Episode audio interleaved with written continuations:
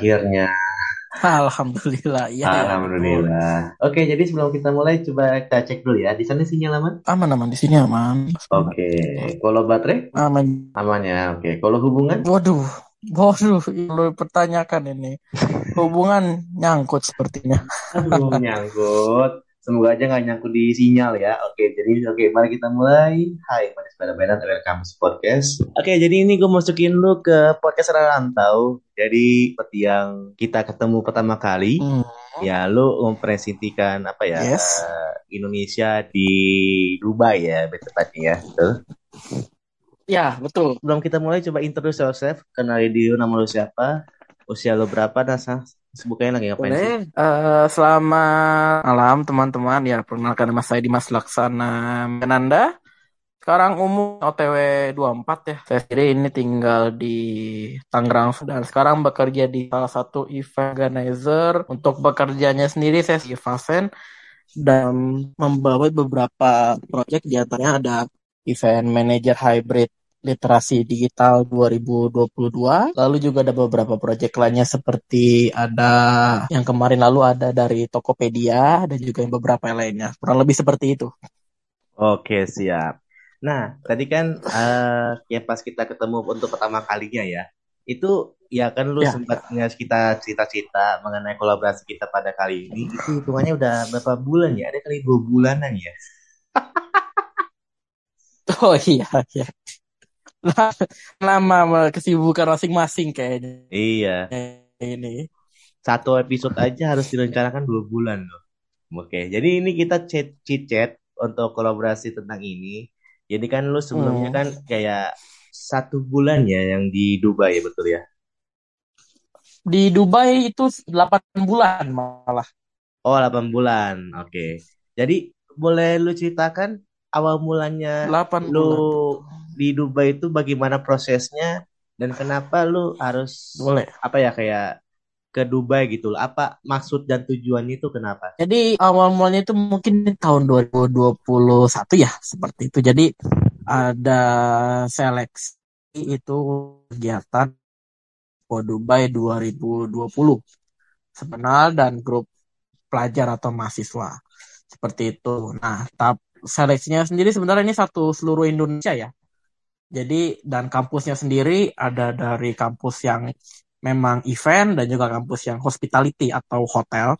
Seperti itu seperti Politeknik. Tapi tidak menutup kemungkinan juga ada beberapa kampus. Di antaranya ada Universitas Indonesia, Universitas Pajajaran ataupun universitas-universitas yang ada fakultas ilmu bahasa seperti sastra Arab, sastra Rusia ataupun juga ada dari hubungan nasional juga ada. Jadi untuk seleksi untuk kegiatan Expo 2020 Expo Dubai. Nah, Expo Dubai ini adalah Expo. Jadi di antara tiga event di dunia yaitu ada Olimpiade, ada Piala Dunia, dan yang ketiga ini ada Export Expo 20. Kebetulan karena pandemi jadi Expo ini diundur jadi tahun 2021 seperti itu. Nah, untuk seleksinya sendiri itu dari bulan Juli seleksi administrasi. Jadi administrasi kita itu dicek ke apakah ada seperti itu atau, atau tidak.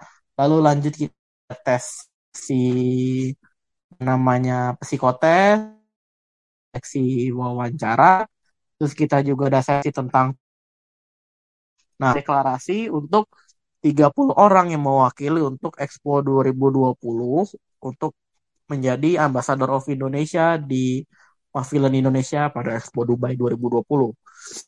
Seperti. Nah, tantangannya sendiri mungkin eh, dibutuhkan orang-orang yang memang mantep ya istilahnya kurang untuk bisa perwakilan Indonesia. Jadi 30 orang ini akan mempresentasikan 160 juta masyarakat Indonesia untuk bisa menawarkan Indonesia. Seperti itu. Jadi kita dari bulan Agustus sudah ada training sampai bulan September kita training dan kebetulan itu di tanggal 31 Agustus 2021 kita berangkat ke Dubai seperti itu. Nah, September itu kita full untuk kegiatan training dan start acara itu ada di tanggal 1 Oktober sampai 31 Maret 2022. Seperti itu tugas-tugasnya apa aja sebagai expo staff atau juga pavilion staff di situ. Kalau saya, saya pribadi saya mempunyai dua tugas utama. Yang, yang pertama jadi pavilion staff, lalu yang kedua adalah accreditation liaison officer. Seperti itu. Di mana kalau pavilion staff ini ini para tamu yang pavilion di, di situ juga kita menjelas masa Indonesia itu masa lalu Indonesia, masa sekarang Indonesia dan masa depan Indonesia yang akan datang itu seperti apa. Kita bantu mempresentasikannya. Lalu ketika ada tamu-tamu yang datang seperti VIP, menteri dari negara lain, presiden ataupun yang lainnya kita juga ikut menjamunya. Seperti itu. Lalu juga untuk kegiatan operasional untuk pavilion kita juga membantu. Seperti itu. Itu yang paling menyenangkan adalah Expo Dubai dua ini diikuti oleh lebih dari 193 negara. Bisa dibayangkan 193 negara mendiri eh, ada pavilion masing-masing ya, seperti itu. Dan kita orang menjadi salah satu yang beruntung untuk bisa bertatap langsung, mengobrol langsung. Kita juga bertukar informasi seputar negara, baik itu budaya, sosial, pun bahkan politik seperti itu. Lalu kita juga berteman dengan satu sama lain, kita berkenalan dengan pavilion-pavilion staff yang lainnya, bagaimana mempresentasikan negaranya masing-masing. Seperti itu. Tentunya sangat menarik ya kalau bahas Expo sangat paling amazing seperti itu.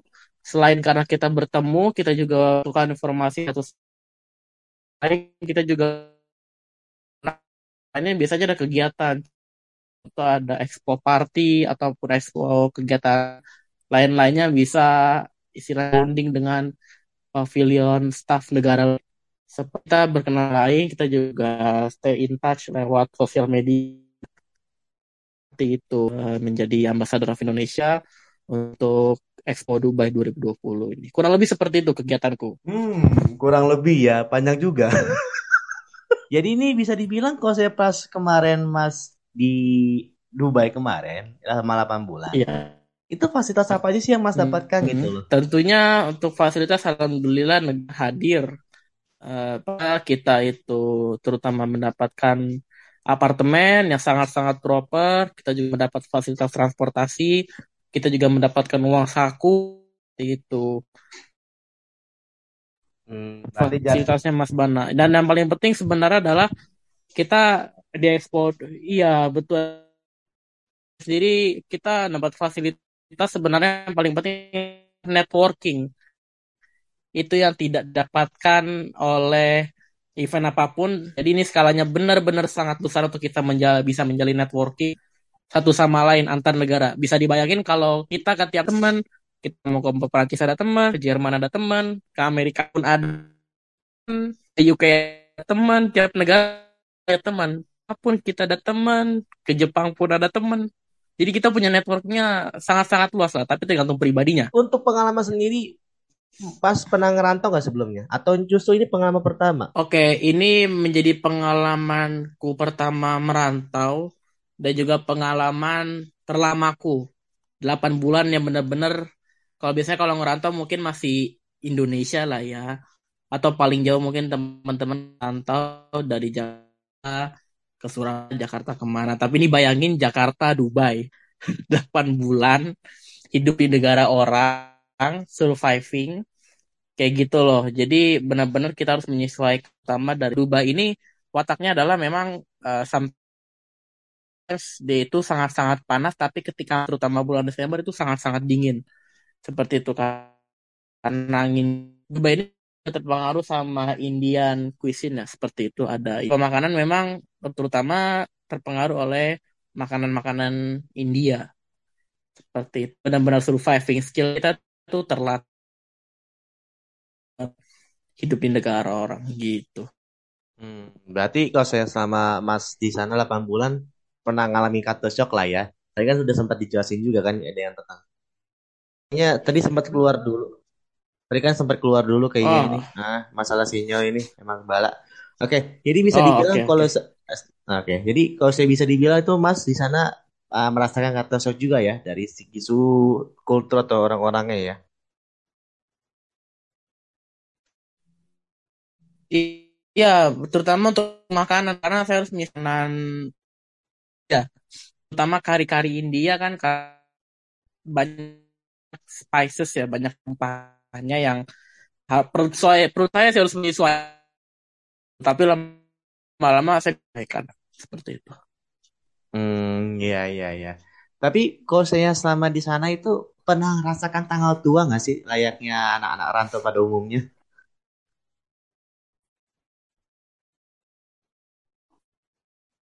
Alhamdulillah sih bagaimana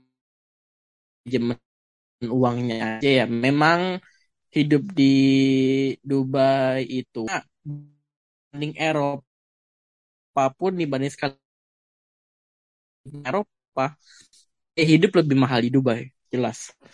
Contoh kalau mak standar kita itu paling itu mungkin 20 kali makan itu ya 100 ribu lah sekali.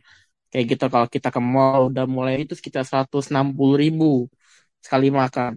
Gitu loh. Jadi bagaimana kita pintar memanage uang kita surviving gitu tapi Mas pernah merasakan gimana dalam artian itu kan tadi sempat Mas bilang juga ya kalau saya Mas sudah hmm. sempat spill ini pengalaman pertama merantau tuh mencari cuan lebih tepatnya ke luar negeri ya itu kan yang paling terlama kan Mas pernah merasakan kayak apa ya? Uh, contohnya masih membandingkan harga-harga barang-barang di Dubai dengan Indonesia gitu. Kalau saya contohnya kayak beli makanan A di kurs dipindah dari kurs ke rupiah kok mahal banget dia.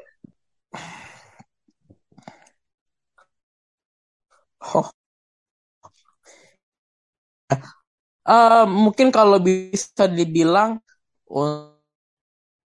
kita kalaupun mungkin ada ya bu contoh kalau mungkin lebih mahal di sana di uh, kayak contoh makanan kita makan ayam penyet atau ayam rasa Indonesia itu bisa sampai 60 oh 50 60 atau sekali makan tuh 200 ribu loh jadi kita ada item yang memang sangat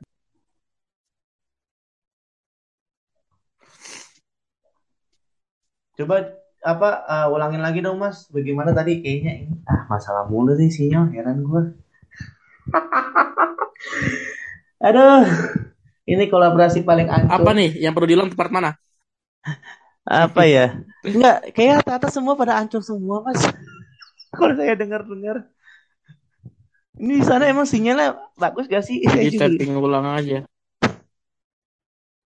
Ini Mas emang lagi lagi di mana? Aman kok. Di sini mas, di sana mas Kayak di rumah kebetulan pakai wifi. Pakai wifi ya? Oh, wala. Di aman. Iya aman. Waduh. Jadi saya ngedengarnya itu dari awalnya, di awalnya aja putus-putus mas.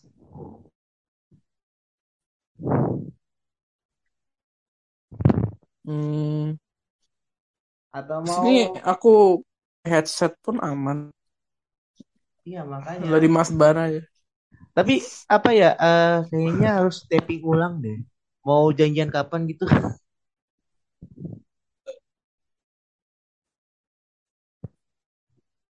Halo. Oh. Ya enggak enggak. Tapi ngulang atau enggak? Iya. Enggak, maksudnya yes, yes, yes. kalau untuk minggu ini apa masnya bisa kapan lagi selain hari ini?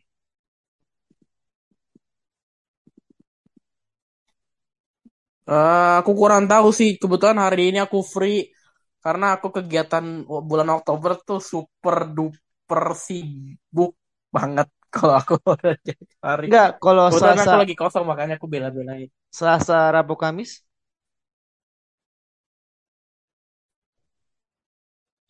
Besok. Besok kalau Sabtu aku kosong mas, Sabtu Minggu mungkin bisanya. Hmm, Sabtu Minggu ya. Ya udahlah, bablasin aja deh sekarang. Bablasin aja deh sekarang. Iya, sekarang. oh, oke. Okay. Ya udahlah, oke okay, iya, oke. Okay. Iya. Oke, jadi ini kita mulai lagi. Uh, tadi kan Mas sempat bilang juga kan mengenai kartu stok di sana kan kayak Hmm, makan makanan kari kurang hmm, apa ya eh, kurang enak di lidah lah gitu tepatnya gitulah. Nah, kosnya untuk di hmm. sana pernah ke mana aja sih Mas? Alhamdulillah sih aku untuk eh, hampir seluruh wilayah UAE aku itu sebenarnya itu adalah wilayah kerajaan ya. Jadi ada tujuh tujuh kerajaan. Nah itu bersatu namanya UAE. Nah ada wilayah-wilayahnya contoh ada Dubai, ada Abu Dhabi, ada Ras Al Khaimah, ada Sharjah. Alhamdulillah tujuh negara Dubai ini aku udah pernah jelajah semua. Termasuk dari Dubai aku udah alhamdulillah udah keliling yang paling ikonik mungkin ke Burj Khalifa, terus ke Mall of Dubai, Mall Emirates, terus juga ke pantainya atau tempat-tempat lainnya. Kalau ke Abu Dhabi aku keliling-keliling pergi ke tulisan Pak Presiden Joko Widodo di Abu Dhabi. Terus juga aku juga pernah ke masjidnya Mas- Masjid Syekh bin Zaid kalau nggak saya kalau nggak salah ya. Terus juga mampir ke Sarjah, mampir ke Ras Al Khaimah, ke tempat hampir tempat termasuk gunung di di UAE alhamdulillah aku udah pernah jelajah alhamdulillah memang udah puas lah istilah keliling-keliling ne- negara UAE gitu. Hmm, tapi kosnya sama Mas 6 8 bulan ya, 8 bulan di Dubai itu pernah nggak sih ya kayak menjala, menjelajahi satu destinasi wisata tapi untuk ke sananya pun susah banget loh diakses. Pernah nggak?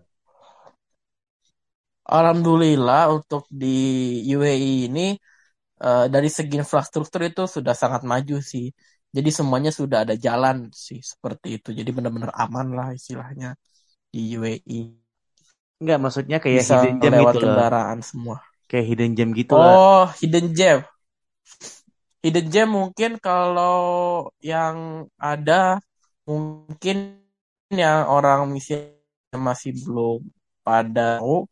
Mungkin ada salah satunya yang favoritnya tuh ada canyon ya, semacam ngarai.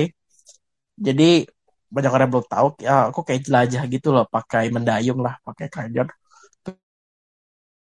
Keliling-keliling aja sebentar itu bagus banget, apalagi menjelang sore, sunset di situ aku menjelajah di canyon yang di di UAE gitu. Hmm. Berarti hitungnya kalau saya Mas selama tanda kutip bekerja di sana itu waktunya berapa lama? Misalnya latihan 5 plus 1 atau mungkin 6 plus 2 eh 6 plus 2. Waktu itu udah latihan 5 plus 2 atau 6 plus 1? Oke, karena kita kerja di dunia event ya, in- eh, di industri event, sebenarnya untuk jadwal ini cukup fleksibel ya, Ma- Mas, Ma- Mas ya. Jadi kita kadang lima dua, kadang kita enam satu, seperti itu tergantung menyesuaikannya aja jadwalnya. Dan jadwalnya itu nggak tok dibuat, oke Senin sampai Jumat ya, enggak. Jadi kita ada rolling jamnya. Oh, Jadi berarti tiap berarti berdasarkan dengan jam ya. akan keluar. Jadi sometimes kita lima dua, sometimes kita Iya, jadi istilahnya itu nggak terpaku. Kita kadang juga shift pagi, shift siang ya, seperti itu. Jadi kita ada rolling waktunya tiap minggu berubah-berubah jamnya. Gitu. Libur, tapi kadang kita Sabtu Minggu masuk, kadang kita Sabtu Minggu libur. Saja Seninnya saja Seninnya masuk sangat-sangat uh, uh, dinas ya seperti itu jamnya. Oke, oke. Jadi untuk menutupi episode pada kali ini, coba Mas silakan memberikan kesan kesan Mas selama tanda kutip merantau untuk dapat cuan di Dubai dalam rangka Expo Dubai. Nah, selama 8 bulan itu gimana kesannya? Dan coba kasih pesan setidaknya seperti yang Mas sudah rasakan kemarin di mana kayak bahwa pertama kali merantau untuk keluar negeri eh, bagi tujuannya untuk dia dapat cuan lah walaupun hitungannya selama 8 bulan di sana gitu. Coba silakan. Iya, mungkin kalau uh, sedikit cicat dariku adalah di dunia rantauan itu memang kita harus bisa survive ya. Dan kita tuh jauh dari keluarga terutama kita mau nggak mau harus bisa survive dengan benar-benar istilahnya kita punya yang tadinya kita belum punya skill apa mau nggak mau kita belajar contoh kita yang tadinya udah terbiasa dengan cuaca Indonesia kita tiba-tiba masuk cuaca di negara orang. Kalau aku di Dubai yang sometimes ada badai pasir. Mau nggak mau kan kita menyesuaikan. Gitu. Terus juga kita menyesuaikan untuk uh, cuacanya terutama. Terus juga beberapa beberapa hal penting di antaranya mungkin kalau ya yang istilahnya memang kalau memang banyak orangnya seperti itu Arabnya itu untuk di Dubai atau di UI disebutnya Emirati Emirati. Seperti itu yang memang Emirati Emirati ini uh, sifat-sifatnya ada berbeda. Ada yang memang lembut ada yang istilahnya pembawaannya galak tapi dia itu emang baik ataupun yang bagaimana. Itu juga kita pandai-pandai menyesuaikannya aja. Gitu. Dan mau nggak mau yang dituntut untuk ketika merantau adalah kemampuan kita beradaptasi jadi kemampuan beradaptasi itu secara cepat seperti itu itu sangat dibutuhkan dengan terpaku kita harus bisa beradaptasi dengan dunia luar jangan tetok diam tapi kita harus mau belajar gitu sih kalau pesanku Oke, okay, thank you ya Mas Dimas Laksana Megananda atas waktunya. Sama-sama Mas, sama-sama. Terima kasih sudah diundang juga. Jadi sorry itu saya bagi pendengar yang mendengar episode pada kali ini suaranya terkadang putus-putus. Mohon maaf sebelumnya. Ini kolaborasi paling bingung gue juga jawabnya. Nanti kalau saya Mas iya, iya kepo, iya, kalau saya Mas pengen kepo gimana hasilnya ya mohon maaf sebelumnya ini hancur. Oh, enggak apa-apa, apa-apa. Untuk kolaborasi sama dua bulan, malah lebih kayak tiga bulanan. Ya semoga aja bisa diterima di dengar kalian semua. Oke, berikut merupakan episode pada kali ini. Sampai jumpa di episode berikutnya. Dadah, sampai jumpa.